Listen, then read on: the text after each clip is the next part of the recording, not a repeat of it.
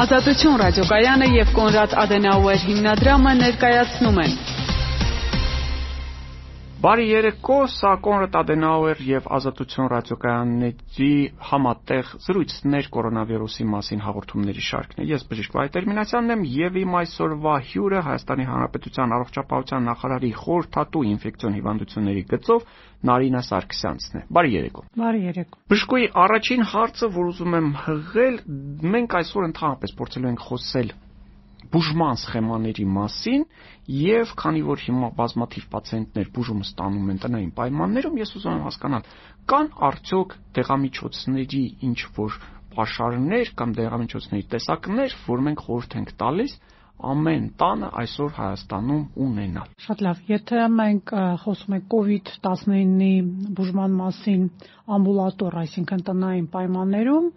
ապա պետք է սկզբից ասենք իսկ որ պացիենտներն են, որ խմբի պացիենտներն են բուժվելու այդ ամբուլատոր պայմաններում այս պահին քանի որ կատարվել է փոփոխություններ մեր ուղեցույցների մեջ միջ մայիսի 21-ը բոլոր պացիենտները անկախ հիվանդության ծանրությունից բուժվել են հիվանդանոցային պայմաններում, այս հիմա որոշված է ելնելով մահճակալային ֆոնդից եւ մի շարք այլ պատճառներից որ պացիենտները թեթև հիվանդության ձևերով ասիմպտոմատիկներ, այսինքն անախտանիշ պացիենտները եւ նաեւ միջին ծանրությունով, այսինքն որոնք ունեն թոքաբորբ սակայն առանց հիպոքսիա, այսինքն ոչ ծանր թոքաբորբ, մի քիչ ավելի པարզ ասեմ, եւ ճունեն որևէ ռիսկային գործոն, հա, թե ուղեկցող հիվանդություններ, թե տարիքը 60 տարեկանից բարձր չլինի, այդ պայմաններում միայն նրանց բուժումը իրականացվելու է տնային պայմաններում առաջնային ուղակի բժիշկների կամ ընտանեկան բժիշկների հսկողության տակ։ Երբ առաջնային ուղակի բժիշկը գալիս է, նա իր հետ ինչ որ դեղամիջոցներ է բերում, թե գրում է, ասում է գնացեք այդ դեղատնից այս դեղամիջոցները գնեք եւ խմեք կամ սրսկվեք։ Ուրեմն եկեք նախ ասենք ինչ պրեպարատներ են հնարավոր եւ ինչպիսի մոտեցում է առաջարկվում այդ դեպքում, եթե խոսքը գնում է անախտանիշ պացիենտների կամ թեթև պացիենտների մասին, ապա ստեղ ընդհանրապես որևէ դեորայք պետք չի կիրառել առավելագույնը ինչ կարող է լինել, եթե օրինակ մարտունի գլխացավ կամ ինչ-որ մարմնի կոտրորատություն կամ ջերմության բարձրացում, կարելի է այդ դեպքում խմել ջերմիչոցներ, օրինակ պարացետամոլ, ամեն դեպքում էլի ցանկալի անգամ պարացետամոլի վերաբերյալ խորհրդակցել բժշկի հետ։ Ինչ վերաբերում է արտեն զարգացած, ինչպես ես ասացի, ոչ ծանր թոքաբորբին, այն էլ ոչ ռիսկային եւ ոչ մեծահասակների մոտ, ապա այո, սա հնարավոր է բուժել տնային պայմաններում, բայց նույնպես միայն բժիշկն է նշանակում բուժումը, ելնելով նույնպես կոնկրետ իրավիճակից։ Այսինքն այսօր կան արտեն տեղեկություններ նաև վերջի ԱՀԿ-ի ուղեցույցով, որ միջին ծանրության իրավիճակներ, այսինքն ոչ ծանր թոքաբորբերը հազվադեպ են ուղեկցվում միացող բակտերիալ ֆլորայով։ Այսինքն պետք է հասկանանք, որ սա վիրուսային թոքաբորբ է եւ միշտ չէ, որ հակաբիոտիկը պետք է կիրառել այսինքն հակաբիոտիկի կիրառումը պետք է լինի ցուցված բժշկի կողմից եւ մենք որpիսի միանման մոտեցում լինի ամբողջ հանրապետությունով, այսինքն որ բոլոր բժիշկները նույն մոտեցումը ցուցաբերեն, որոշել ենք թարմացնել եւ շատ հակիրճ տալ արտահիվանդանոցային, որտեղ գաղափարը բուժման դա արտահիվանդանոցային թոքաբորբերի բուժման սկզբունքն է եւ այստեղ հիմնական 3 հակաբիոտիկի միջև է բժիշկը կատարելու ընտրություն, խնդրում եմ ուշադրել, որ բժիշկն է կատարելու ընտրություն, դա լինելու է կամ ամոքսացիլին, կամ դոքսիցիկլին, կամ ազիտրոմիցին։ Եթե հիվանդը պատկանում է ռիսկային խմբի, հակաբիոտիկները այլ են, ուղղակի քանի որ ռիսկայինները, ինչպես ասեցի, բուժվելու են հիվանդանոցային պայմաններում, դրա համար երևի թե նպատակահարմար չի ասեմ, եւ մեկ իրավիճակ էլ, եթե վերջի 90 օրվա ընթացքում, այսինքն 3 ամսվա ընթացքում պացիենտը ստացել է հակաբիոտիկ, նույնպես կարող է հակաբիոտիկաթերապիայի մոտեցումը բժիշկը փոխի, օրինակ հնարավոր է նշանակի ամոքսացիլին կլավուլանաթթվի հետ կոմբինացիան։ Այսինքն այսօր մեր պոլիկլինիկական ծառայության բժիշկները բոլորը տեղեկացված են եւ ունեն հստակ ցուցումներ։ Այս 3 անտիբիոտիկներն են որպես ստանդարտ ընդունում, դրանք եք օգտագործում, դրանք են նշանակում։ Այն էլ կներեք ոչ միշտ, այսինքն երբ բժիշկը համարում է, որ հակաբիոտիկի անհրաժեշտություն, այո, Բժշկուի հաջորդ հարցս կան արդյոք ինչ որ պրեպարատներ, որոնք որ կօգնեն տան մյուս անդամներին, այսպես ասած, իմունիտետը պահել բարձր մակարդակի վրա եւ օրինակի համար, եթե տանը կա ինչ որ մեկը, որ արդեն հիվանդացել է, փորձել չհիվանդանալ խորհուրդներ կարող ենք նման տալ, որ այս կամ այն դեղամիջոցը օգտագործեք, այլ լավ կլինի, չգիտեմ, սկսած վիտամին C-ից օրինակի համար, վերջացրած, չգիտեմ, թեյ խմելով կամ ինչ որ սննդամթերք կամ դեղ օգտագործել։ Իհարկե, այստեղ հատուկ դեղորայքային այս պահին որևէ մոտեցում չկա, ձեր ասած իմունիտետը բարձրացնող, հա, կամ իմունոմոդուլատորային տիպի պրեպարատների որևէ լուրջ հետազոտության արդյունք առայժմ չկա, ուստի ես խորհուրդ չեմ տալիս, շատ պրեպարատներ են այսօր նշվում, անգամ գիտենք, որ երբեմն մեր հայրենակիցները երբեմն ինքնաբուժմամբ են զբաղվում, սակայն այդ պրեպարատների արդյունավետությունը ապացուցված չէ, չնայած իհարկե երևի թե ելնում են հարևան երկրների փորձից, սակայն ես եւս մեկ անգամ կրկնում եմ, որ այդ պրեպարատների արդյունավետությունը ապացուցված չէ, ուղղակի պետք է այն ստանդարտ մոտեցումները, որը խորհուրդ է տալիս բժիշկը իրականացնել տան անդամներին, որպիսի մինիմալիզացնել ռիսկը վարակման, այդ կանոնները պահպանեն եւ ուղղակի սովորական առողջ ապրելակերպ լվացք դիմակ միրգ բանջարեղեն։ Այո, օթափողություն եւ այլն եւ այլն։ Հիվանդանոցները այսօր Հայաստանում, որոնք զբաղվում են կ ូវ իդի բուժմամբ, նրանք բոլորը նույն ալգորիթմով են աշխատում, նրանց մոտ բոլորի մոտեցումները նույնն են, թե կա կլինիկա, որ այս կամ այն դեղն է նախընտրում, այս կամ այն մոտեցում մոտեցումն ունի, կարող են ինչ-որ տարբերություններ լինել, թե ոչ։ Իհարկե, այստեղ էլ ենք առողջապահության նախարարության հիմնական ուղերձներից մեկը այն է, որ բոլոր կլինիկաները, ինչպես ասեցի, օրինակ նույնը արտահիվանդանոցային, հա, թոքաբորբերին բուժման մոտեցումը, նույնը իհարկե նախատեսված է եւ ներհիվանդանոցային բուժման համար, Այսինքն մենք ունենք հստակ տարանջատված իրավիճակներ, ելնելով հիվանդի վիճակի ծանրությունից, նո հիմնական շեշտը ուղեցույցի մեջ արվում է, այսպես ասեմ, հակավիրուսային պրեպարատներին ընտրությանը, Ինչ վերաբերում է այլ օժանդակ բուժմանը, ապա իհարկե այստեղ նույնպես ելնելով կոնկրետ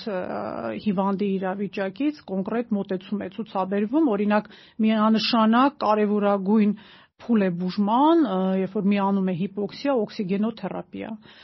Նաև ուղեցույցի մեջ կա նշված, երբ որ իրավիճակներում պետք է կորտիկոստերոիդներ նշանակվեն, այսինքն չլինի չարաշահում կորտիկոստերոիդների, որոնց արդյունավետությունը Այսինքն մոտեցումը ընդհանուր առմամբ ընդհանուր է։ Մեկ ընդհանուր մոտեցում, մեկ ընդհանուր ուղեցույց։ Այո, մեկ ընդհանուր մոտեցում մոտ նույն ուղեցույց։ Միակը, որ դեռևս, քանի որ դա դեռ միջազգային մասշտաբով էլ դա դեռևս հստակեցված չի, չեմ կարող ասել առայժմ շատ կոնկրետ հակակոագուլյանտային թերապիա է վերաբերյալ, որտեվ դա դեռևս հետազոտման փուլի մեջ է, սակայն միանշանակ ներհիվանդուն, այսինքն ծանր եւ ծայրահեղ ծանր պացիենտներին միանշանակ կատարվում է նաեւ հակակոագուլյանտային թերապիա, որը նույնպես նույն մոտեցումն է հիմնականում։ Շատ բարի, այդ դեպքում եթե մենք խոսում ենք հետազոտությունների, խոսում ենք դեղերի, ապա մենք կարող ենք անդրադառնալ մի քանի ամենահայտնի դեղամիջոցների Երևի ամենա այսպես ճակերտավոր տանջված դեղը հայտնի պլակվինիլն է, որի պարագայում սկսած Ամերիկայի Միացյալ Նահանգների նախագահի հայտարարությունից, որ ինքը պրոֆիլակտիկ նպատակով խմում է, բավականին շատ այսպես գովազդված դեղամիջոց, որը սակայն ունի բազմաթիվ կողմնակի էֆեկտներ եւ կան բազմաթիվ աշխատանքներ առողջապահության համաշխարհային կազմակերպությունն այսօր կասկածի տակ է դնում ես եթե չեմ սխալվում պլակվինիլը լայնորեն նաեւ կիրառվում է Հայաստանում հիվանդների բուժման համար ինչ կասեք լավ մի փոքր նախաբանից սկսեմ նախ ասեմ այսպես դեռևս հունվար ամսին ողջեր որ այս հիվանդության համար բուժման համար կարևորագույն օղակ պետք է կազմեն հակավիրուսային պրեպարատները եւ այն ժամանակ մենք հիմնվում ենք չինացիների փորձի, որտեղ հիմնական փորձը իրենցն էր եւ այն ժամանակ արդեն կային այսպես ասենք տեխնացու պրեպարատներ, որոնցից ակնկալվում էր հնարավոր արդյունավետություն։ Դրանք համարյա մնացել են նույնը եւ նաեւ ուզում եմ հատուկ ասել, հնարավոր է շատերը լսել են դրա մասին, հնարավոր է ոչ, այսօր նույն ԱՀԿ-ն իրականացնում է սեփական կլինիկական հետազոտությունը, որի մեջ մտնում է 4 հիմնական դեղամիջոցների կամ սխեմաների համեմատական։ դա է հիդրոքսիքլորոքվինը կամ քլորոքվինը առաջի ճյուղ, երկրորդ ճյուղը նույն պլակվինիլը, այո։ Երկրորդ ճյուղը լոպինավիր ռիտոնավիր, որը միավի համար կիրառվող պրեպարատ է եւ կիրառվում է նաեւ այս հիվանդության ժամանակ։ Երրորդ ճյուղը դա լոպինավիր ռիտոնավիր եւ ինտերֆերոն բետա 1-ան է։ Չորրորդ ճյուղը ռեմդեզիվիրն է։ Ռեմդեզիվիր պրեպարատը հայտնի է նա համեմատած նոր պրեպարատ է, որը որի փորձը կա կիրառման Էբոլայի ժամանակ եւ որը որի նույնպես աղմուկ բարձրացավ։ Այո որովհետև առողջապահության համաշխարհային կազմակերպության կայքում հայտնվեց նյութ, որտեղ տրվում էր, որ 90 քանի հազար պացիենտների պարագայում ունեցել էր շատ ավելի վատ արդյունք եւ մի քանի ժամ հետո այդ նյութը առողջապահության համաշխարհային կազմակերպության կայքից հեռացվեց, նույն ժամանակ արտադրող ընկերության ակցիաներն էին արդեն ընկնում եւ հակառակ ուղությունը սկսվեց, սկսեցին բացատրել, որ չէ, սխալ է տեղի ունեցել, դա կիսատ հետազոտություններ պետք չէր դա դնել առողջապահ։ Այսինքն մենք այնուամենայնիվ այստեղ միշտ խնդիր ունենք գիգանտ կամպանիաների, դեղագործական կամպանիաների եւ իրական ապացույցների միջև ինչ անի բժիշկը։ Շատ լավ, տեսեք, եթե վերցնենք բժշկագիտության մասին խոսենք որպես իսկապես գիտություն,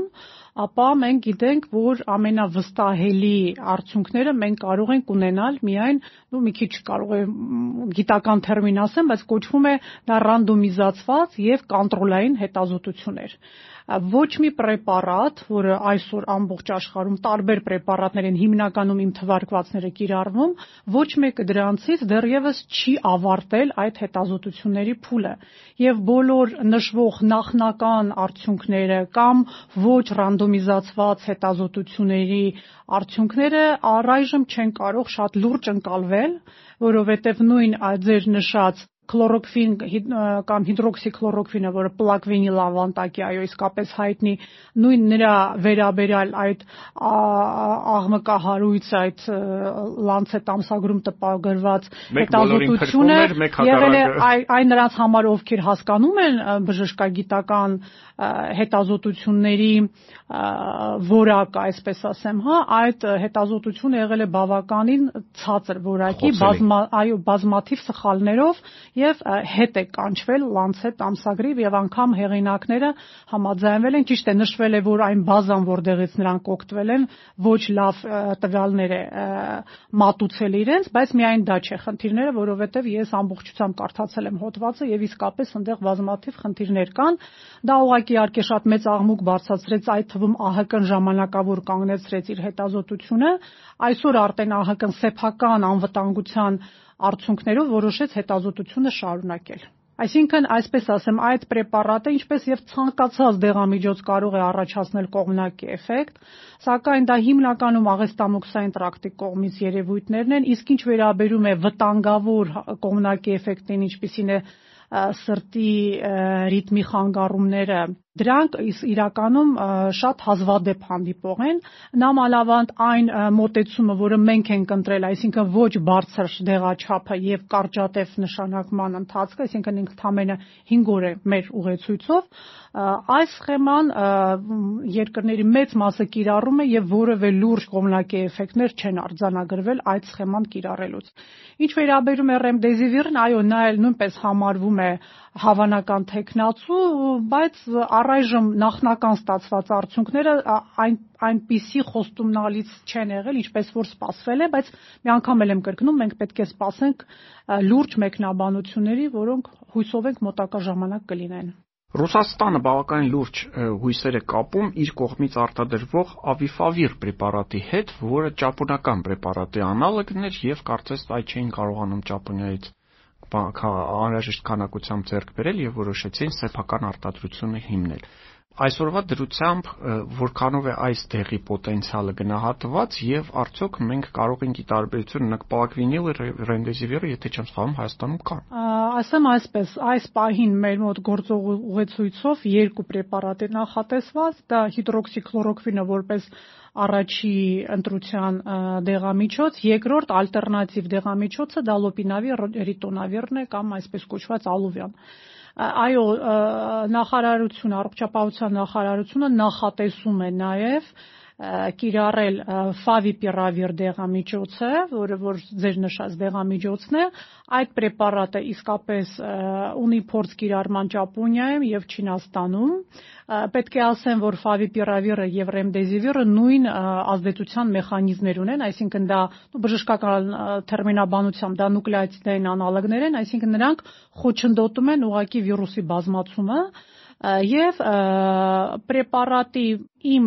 ինձ հասանելի տեղեկությունից մենք ունենալու ենք այդ պրեպարատը, այն էլ ունենալու ենք սկզբնական ժամանակահատվածում հենց օրիգինալ պրեպարատը, այսինքն Avigan անվան տակ պրեպարատը, չնայած պետք է ասեմ, որ նույն Favipiravir-ի, որը այսօր նաև Ռուսաստանն է արտադրում եւ Չինաստանը արտադրում են ջեներիկներ, այդ պրեպարատների կլինիկական փորձարկումը նույնպես դեռևս չի ավարտվել, այսինքն դեռ մենք էլի հստակ արդյունքներ չունենք եւ ճիշտն ասած ուզում եմ ուղակի այսպիսի մի փոքր մեկնաբանություն անել պետք չէ մոռանալ, որ սա բացարձակ նոր վարակային հիվանդություն է եւ ուղակի կարծում եմ մի քիչ թերագնահատում են մարդիկ ուղակի հասկանալով, որ հիվանդությունը ինչքան արագ տարածվում է եւ ինչքան ծանր ընթացք է կարող ստանալ, հասկանում են մարդկանց անհանգստությունը, բայց նաեւ պետք է հասկանանք, որ սա շատ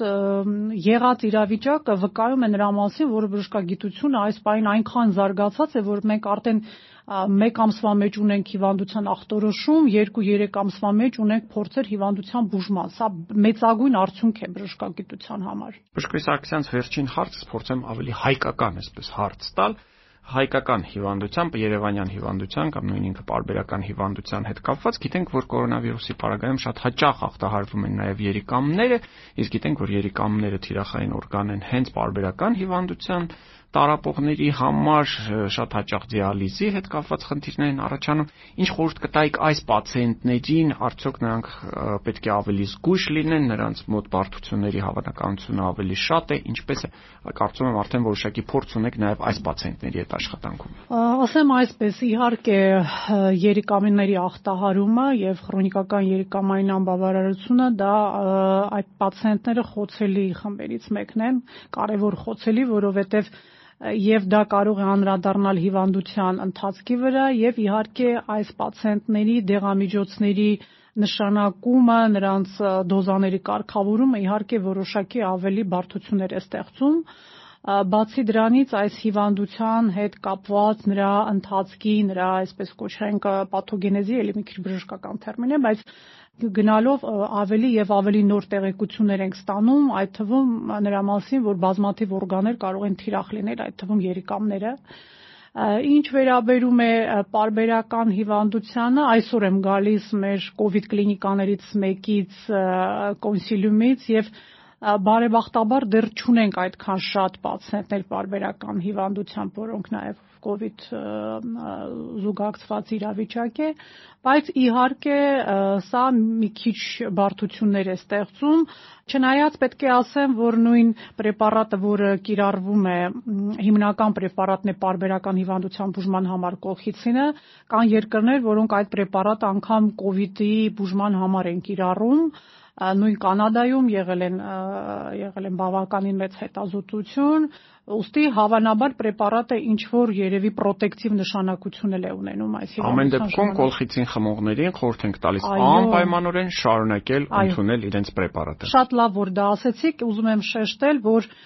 մենք անպայման ասում ենք, որ բոլոր պացիենտները ինչ պրեպարատներ ստանում են, հանգարց պրեպարատների դադարեցում չլինի, այսինքն խոցելի ուղեկցող հիվանդություններով պացիենտները պետք է շարունակեն իրենց հակահիպերտենզիվները, ստատին ստացողը շարունակի իր ստատին ստանալը, բայց բնական է պետք է պահպանեն կապը իրենց բժիշկների հետ, նույն այսօր